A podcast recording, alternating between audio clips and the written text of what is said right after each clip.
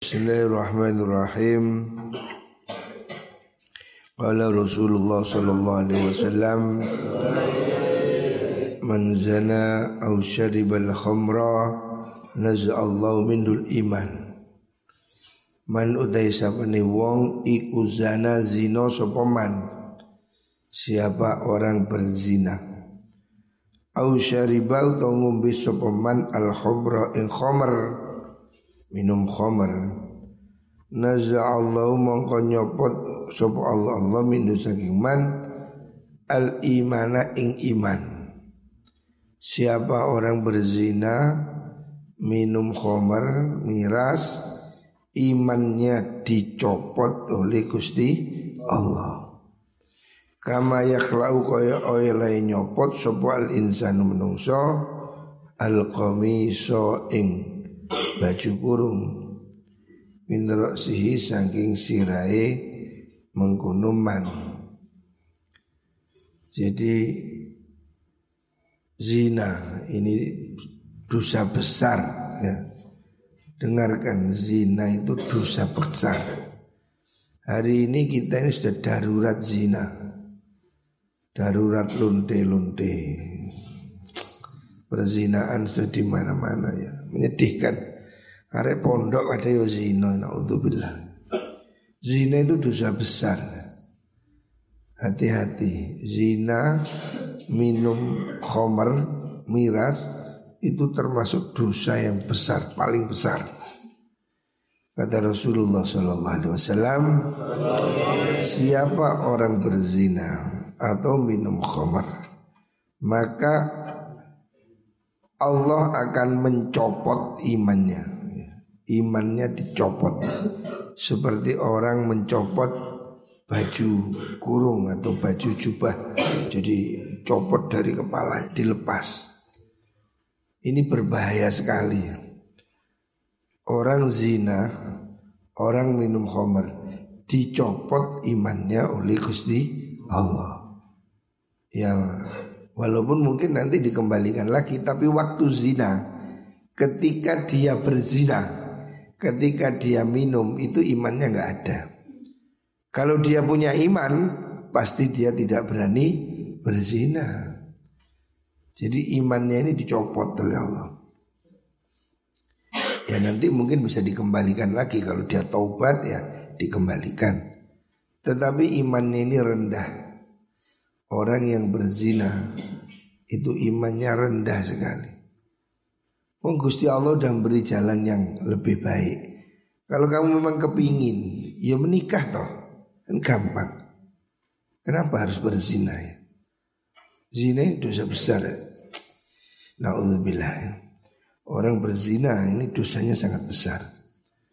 Zina minum khamar itu sama. Itu dosanya dosa kelas besar sekali.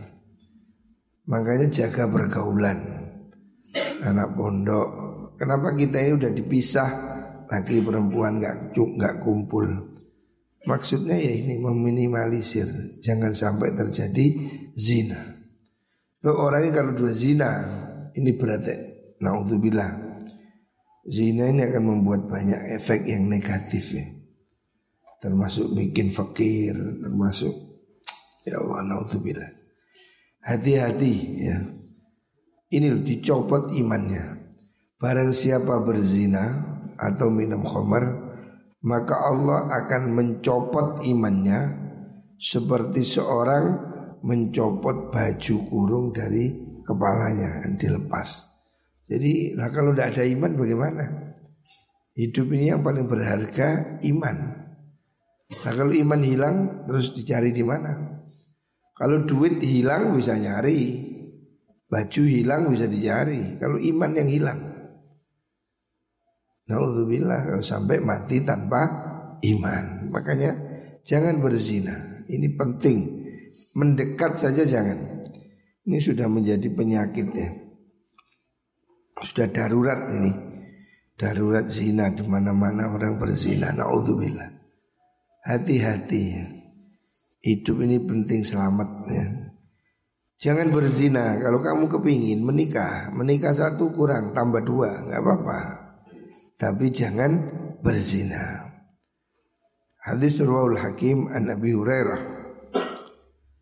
Selanjutnya kalau Rasulullah sallallahu alaihi wasallam man zana zunia bihi walau bihaitani darihi. Man utai sapane wong iku zana zina sapa Barang siapa berzina Zunia mongko den zina ni sapa bihiman. Jadi zina itu akibatnya akan membuat dia dapat balasannya. Walau bihaitani dari senajan kelawan tembok e omaiman. Maksudnya ini ya naudzubillah naudzubillah. Orang itu kalau menzinai orang bisa jadi anaknya nanti akan dizinai orang.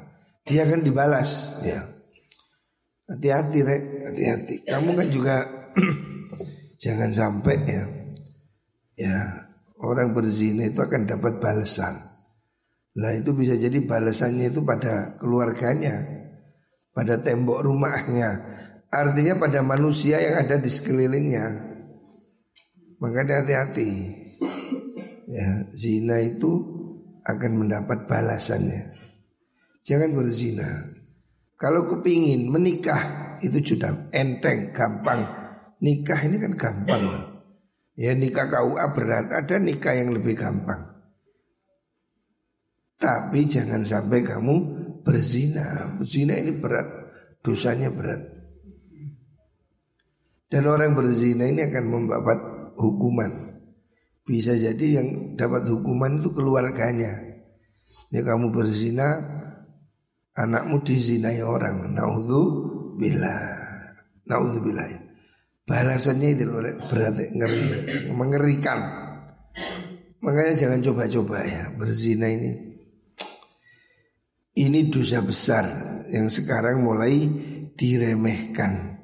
Padahal tidak bisa ya Zina tetap zina Makanya hati-hati Rawahu Ibnu Najjar Selanjutnya Nabi bersabda Man ra'a mubtalan faqala alhamdulillahilladzi afani mimma btalaka bihi wa fadlani ala kathirin mimman khalaqa tafdila lam yusibu dzalikal bala Man utai sapane wong iku ra'a ningali sapa man mubtalan ing wong kang den kenani belai. Maksudnya siapa orang melihat orang kena musibah.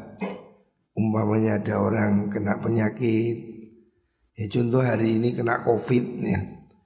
Masih banyak loh kasus covid ini. Hati-hati kita ini dikhawatirkan ada covid gelombang kedua. Ngati-ngati ya. Muka-muka dilindungi oleh Gusti Allah.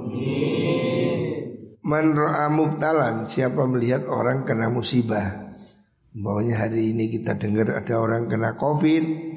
Fakola nulin dungo sopaman Dungo ini Alhamdulillahilladzi afani. Alhamdulillah kebuci kulillah ikuti Allah.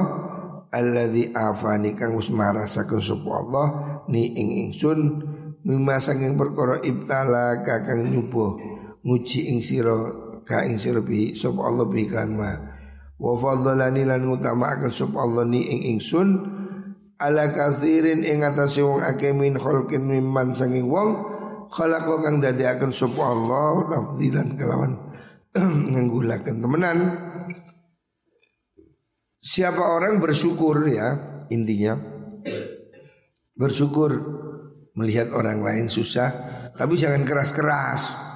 Wong tiba alhamdulillah aku ora. Yo ngenyek jenenge. Yang maksudnya ini di hatimu ada orang sakit ada orang kena covid ada orang jatuh kamu berbicara di hati alhamdulillah saya tidak dapat musibah seperti dia gitu bersyukur kita ini syukur alhamdulillah sampai hari ini di pesantren Anur satu sampai hari ini alhamdulillah ya masih aman. Alhamdulillah. Ini harus disyukuri, Rek. Disyukuri tapi bukan berarti dengan menyukuri apa menghina orang bukan. Syukurnya di hati kita. Syukurlah alhamdulillah ada orang kena Covid, kita masih dilindungi oleh Gusti Allah. Ini setiap hari kita dengar pertumbangan. kiai, bupati, dokter. Covid ini masih keras ya. Masih banyak korban. Kemarin bupati Bupati Situbondo kena Covid meninggal. Ada dokter, ada macam-macam. Makanya hati-hatinya. Dan kalau ada kita dengar ada orang kena Covid, kita ber, memuji Allah. Alhamdulillah kita diberi keselamatan. Muka-muka tidak ketularan. Amin Allahumma amin.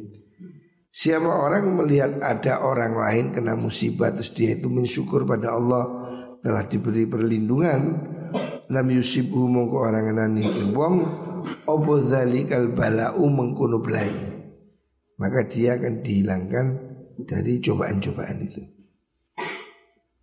Jadi ya hati-hati ini penting, hati-hati ini penting. Muka-muka kita ini tidak terkena bencana COVID ini. Karena ini sudah mulai menggejala lagi. Banyak kasus berat ya. Orang-orang susah menghindari. Hanya Allah yang bisa ya. Karena semua ini COVID apa pun pastilah itu makhluknya Gusti Allah. Kalau Allah hilangkan pasti hilang. Nah hari ini ya selain hati-hati perbanyaklah berdoa pada Gusti Allah. Ini ngerti rek sampai kena Covid masya Allah. Walaupun memang banyak yang sembuh, tapi sakit ya hati-hati. Makanya di pondok sudah saya siapin obat Saudara Taufik mana? Anak yang sakit harus dirawat. Anak yang sakit isolasi, beri prebiotik, beri itu. Saya punya obat Cina ya. Ada obat yang diimpor dari Cina. Ini khusus untuk demam atau gejala COVID ini. Sudah ada di kantor. Jadi kalau ada yang ada gejala demam, batuk, apalagi sesak, harus segera lapor ya. Minum probiotik sama minum obat Cina ini. Ada obat dari Cina yang katanya manjur. Ayo waktu itu Hah? Minum obat Hati-hati ya musim pandemi. Hadis Urwahu At-Tirmidzi. Selanjutnya Rasulullah Shallallahu Alaihi Wasallam bersabda, "Man zada fid dunya Allamahullah bila ta'allum Man utai sapani wong iku zahada zuhud sapa Siapa orang hidupnya zuhud Hati-hati neriman Di urusan dunia Fit dunia dalam urusan dunia Allamahu mongko mulangi ing man sinten Allah Gusti Allah bila ta'allumin kelan tanpa belajar. Siapa orang zuhud Tidak berlebihan Tidak rakus Di dunia ini dia hati-hati Maka Allah akan beri dia ilmu tanpa belajar. Itu yang disebut dengan ilmu ladun nih Ada ilmu yang tanpa belajar Nah itu salah satunya dihasilkan dengan sikap zuhud tirakat nah, hati-hati Wahadahu lan nuduhaken sapa Allahu ingman bila hidayatin kelawan petutuhe wong liya langsung dibimbing oleh Gusti Allah. Wa ja'ala dadakaken sapa Allahu ingman basiron ing wong kang bisa ningali ningali kelawan ati. Maksudnya basiro itu orang punya pengetahuan yang tidak tampak. Wa apa nih? Kasyafa. Ngilangaken sapa Allah anhu sanging man al ama ing sifat buta. Kebutaannya dihilangkan. Mungkin buta hatinya atau buta matanya. Allah akan memberi dia bimbingan kalau orang itu zuhud zuhud ini arti yang lebih gampang itu yang neriman tidak makan barang yang haram Orang bekerja dengan baik, jujur itu zuhud. Zuhud itu artinya tidak mengambil bagian yang bukan haknya. Zuhud itu menjaga diri supaya tidak mengambil harta orang lain. Siapa orang zuhud di dunia neriman saonoe Allah akan bukakan ilmu yang dia tidak ketahui, tidak pelajari sebelumnya. Nah ini pentingnya jaga makanan. Zuhud ini kan sikap ya, hati-hati. Zuhud artinya menjauhi dunia. Bukan berarti tidak punya dunia, tapi hatinya tidak kemantil pada dunia. Kaya tidak apa-apa Tapi zuhud ini tidak harus miskin Zuhud itu orang pada sikap yang baik ya. Walaupun dia ini kaya Tidak menipu, tidak curang Berdagang dengan fair Berdagang dengan aturan yang benar Itu zuhud ya. Atau dia miskin tapi jujur Tidak nakal, tidak nyolong nah, Itu zuhud Zuhud hati-hati mengambil harta secukupnya. Rawahu Nu'ay Abu Nu'aim an Ali. Selanjutnya dawuhnya Rasulullah sallallahu alaihi wasallam Man utai sapane wong iku sarruhu bunga haken ing man sinten Allah Gusti Allah. Bunga haken ing man ayakuna yen to ono sapa man iku akwan nasi luwih kuwate menungso. Siapa ingin menjadi manusia terkuat di dunia tawakal mongko becik pasrah Tawakal sopeman Allahi ingatasi Gusti Allah ya. Jadi tawakal ini Sabar tawakal ya. Ini kunci keselamatan Apalagi di musim pandemi ini Harus ada kemampuan untuk sabar dan tawakal Kuping senturi kukai. Sabar artinya bisa nerima keadaan. Hari ini kan keadaan susah. Hari ini orang tidak boleh keluar, tidak boleh ngeluyur, tidak boleh berlibur.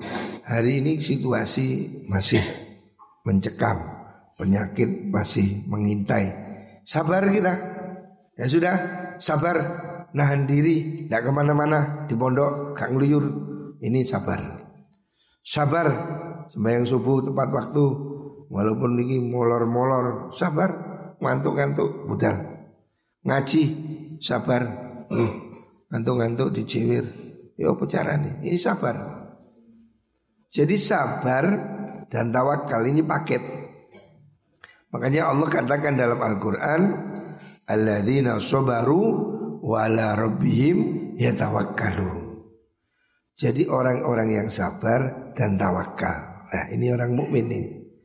Sabar ini timingnya, waktunya itu sekarang. Sabar nggak punya duit, sabar sakit, sabar ada musibah, sabar ada pandemi, sabar. Ya, sabar ini mengendalikan hati untuk menerima hal-hal yang tidak kita sukai. Kita ini sabar di pondok, ini juga sabar. Jadi sabar ada tingkat-tingkat Sabar menjalankan ibadah Sabar menjauhi maksiat Sabar menerima musibah Lah Sabar ini membuat kamu menjadi Menerima, tenang Hidupmu menjadi Bahagia Yang kedua tawakal Tawakal itu pasrah Pasrah ini untuk hal yang akan datang Hari ini kita sehat Alhamdulillah. Tapi kita tidak tahu besok kita sehat enggak. Besok lusa kita masih sehat enggak. Kita serahkan pada Gusti Allah. Kalau kamu pasrah pada Allah, sudah kamu tidak takut. Kamu menjadi kuat karena kamu menyandarkan hidupmu hanya pada Gusti Allah. Kita jadi kuat kalau bersama Allah. Kita ini lemah kalau kita berdiri sendiri. Makanya Allah mengatakan wa may yatawakkal 'ala Allah fa huwa hasbu. Siapa orang tawakal pasrah pada Allah sudah diselesaikan. Dicukupi urusannya oleh Gusti Allah. Makanya berbanyaklah zikir hasbunallah wa ni'mal wakil. Setiap hari di musim pandemi, musim apa pun perbanyaklah zikir hasbunallah wa ni'mal wakil. Artinya kita cukup pasrah pada Allah. Hasbunallah, cukuplah kita Allah. Allah yang sudah mencukupi kita. Kita cukup bersama Gusti Allah. Wa ni'mal wakil. Kita berserah diri pada Allah yang nikmal wakil. Zat yang terbaik untuk kita berserah diri. Kalau Allah yang mengatur kita, kalau kita serahkan hidup pada Allah, pasti Allah menjaga kita. Kita pergi ke pasar, titip sepeda motor ke tukang parkir. Itu aja dijaga sama tukang parkir. Lah apalagi kalau yang menjaga itu Gusti Allah. Kamu naruh duit di bank, merasa aman. Karena apa? Duitmu dijaga oleh bank.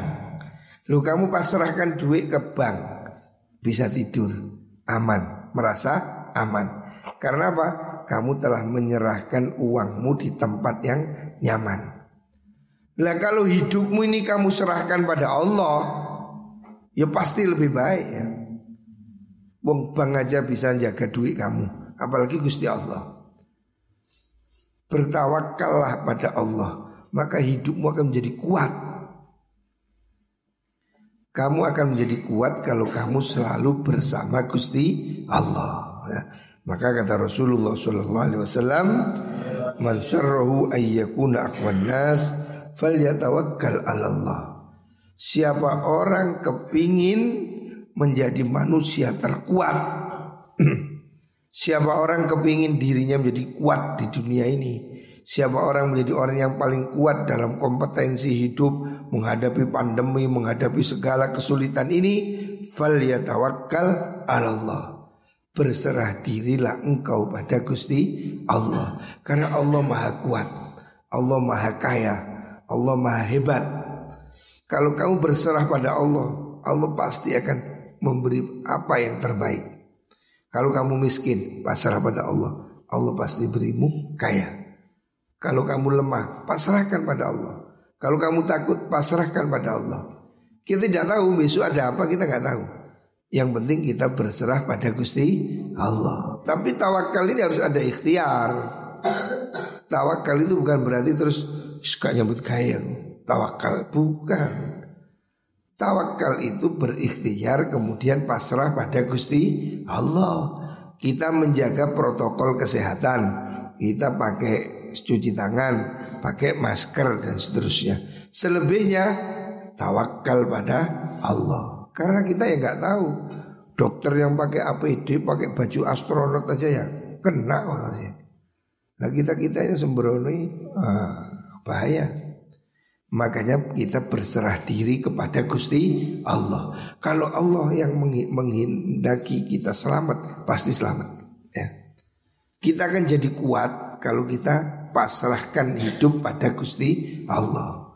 Artinya pasrah itu ngatur, serahkan pada Allah. Ya Allah, saya serahkan hidup pada Allah. Baik buruk kita mohon Allah lah yang paling mengerti. Kalau kamu hidupmu berserah diri pada Allah, kamu tidak takut, kamu tidak sedih. Orang sekarang ini banyak sedih, stres, susah karena hidupnya jauh dari Gusti Allah. Yang penting kita sudah ikhtiar jaga kesehatan ya sudah. Selebihnya tawakal pada Gusti Allah. Tidak sudah bekerja ya sudah. Selebihnya tawakal pada Gusti Allah. Tawakal itu harus disertai dengan ikhtiar. Pada zaman dulu Rasulullah Shallallahu Alaihi Wasallam pernah negur orang, kamu untanya sudah di orang masuk masjid bawa unta. Zaman dulu kan unta, untanya sudah ditali. Dia bilang enggak Nabi, saya lepas, saya tawakal pada Allah. Nabi bilang itu enggak benar. Yang benar itu ikilha wa tawakkal ala Allah kamu talikan dulu untamu baru kamu tawakal pada Gusti Allah. Sepeda motormu itu kunciin DC. Ojo nang pasar kontake dicantolno. Tawakal. Ya itu tawakal iku jenenge. Iku jenenge sembrono. Makanya tawakal dengan sembrono ini beda. Tawakal itu disertai ikhtiar. Kamu nanam, tanam bagus, diobat, tawakal pada Allah. Nah kalau kamu nggak nanam sawai di Jarno, kok gak tandur? Aku tawakal pada Allah. Yo itu tawakal itu jadi males. Tawakal itu setelah berikhtiar. Kamu berusaha selebihnya serahkan pada Gusti Allah. Ya kita jaga kesehatan. Selebihnya pasrah. Saya nyetir, jaga hati-hati, kecepatannya tidak terlalu kencang. Selebihnya saya pasrah pada Allah. Saya tidak tahu kalau ada bis nyeruduk dari belakang. Saya tidak tahu kalau di depan ada pohon tumbang. Selebihnya saya serahkan pada Gusti Allah. Tapi saya sudah berusaha. Saya sudah ikhtiar. Baru kemudian tawakal pada Gusti Allah. Kita akan jadi kuat kalau kita hidup bersama dengan Gusti Allah. Makanya ya ikhtiarnya harus tetap ada. Hari ini masa Covid ini ya harus ikhtiar minum obat, minum probiotik. Alhamdulillah kita ini pondok kita ini punya probiotik dan ini di mana-mana orang pakai itu. Saya kemarin di, diundang pengajian di Bank Indonesia Malang BI. Saya cerita-cerita sama pimpinannya, mereka semua minum probiotik. Cuman yang mahal. Yang, yang probiotik ada yang mahal, ada yang murah. Kita ini kan yang kelas duafa ini yang murah. Makanya nggak manis. Kalau yang milik mereka tapi saya coba manis. Oh iya ada madunya. Yo larang re. Ono rego ono rupo. Yang milik kita ini asam. Ya karena kan madune. Nah, murah. Probiotik kita ini kan yang probiotik murah. Tapi sama. Aslinya sama. Probiotik yang kita minum di pesantren kita ini sama dengan yang dipakai mereka itu. Mereka mahal. Mereka beli 100 ribu satu botol kecil seperti milik kita itu 100 ribu.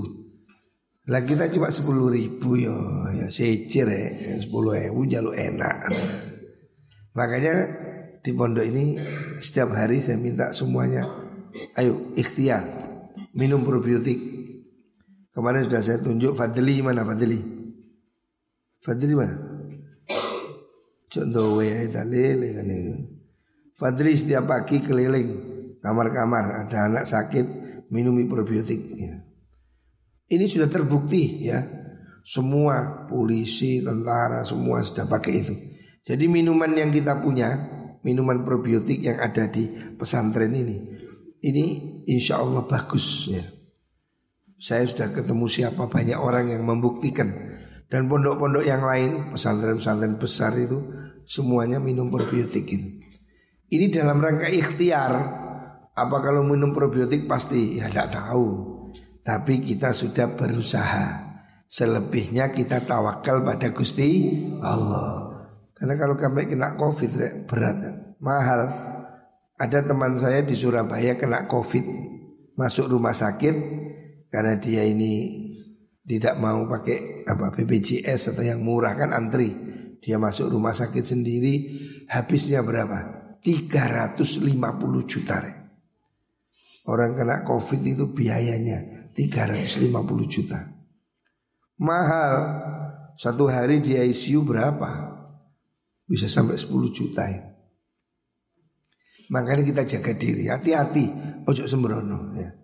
Nah, Salah satunya ikhtiar kita Di pesantren kita ini Sudah saya siapkan probiotik Ojo dianggap remeh Kalau sekarang ngombe dok ya rewel banget Minum setiap hari itu seksi kesehatan setiap hari bikin. Khususnya anak yang sakit demam harus minum sehari tiga kali ya.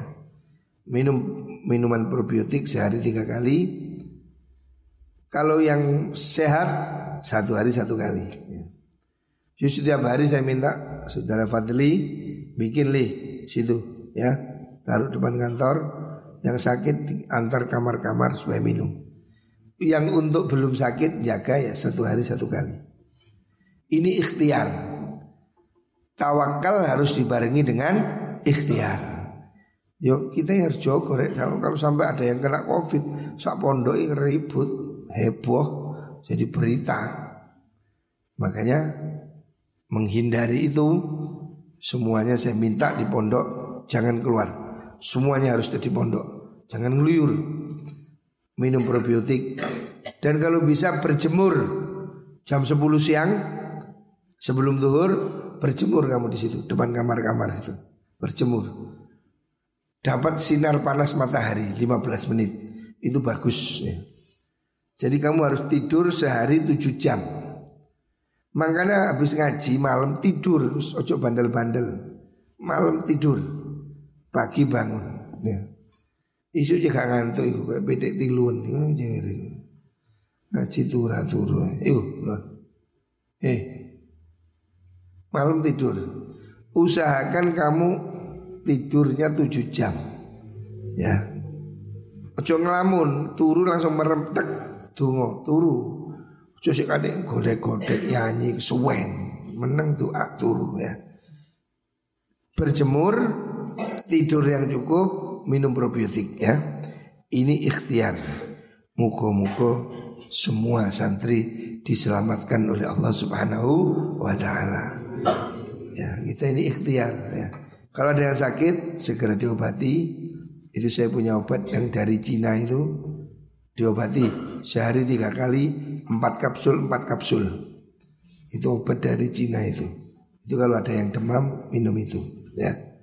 Muka-muka semua dilindungi Allah Subhanahu wa taala, diparingi sehat kabeh dan keluarga-keluarga kita semoga diselamatkan Allah Subhanahu wa taala.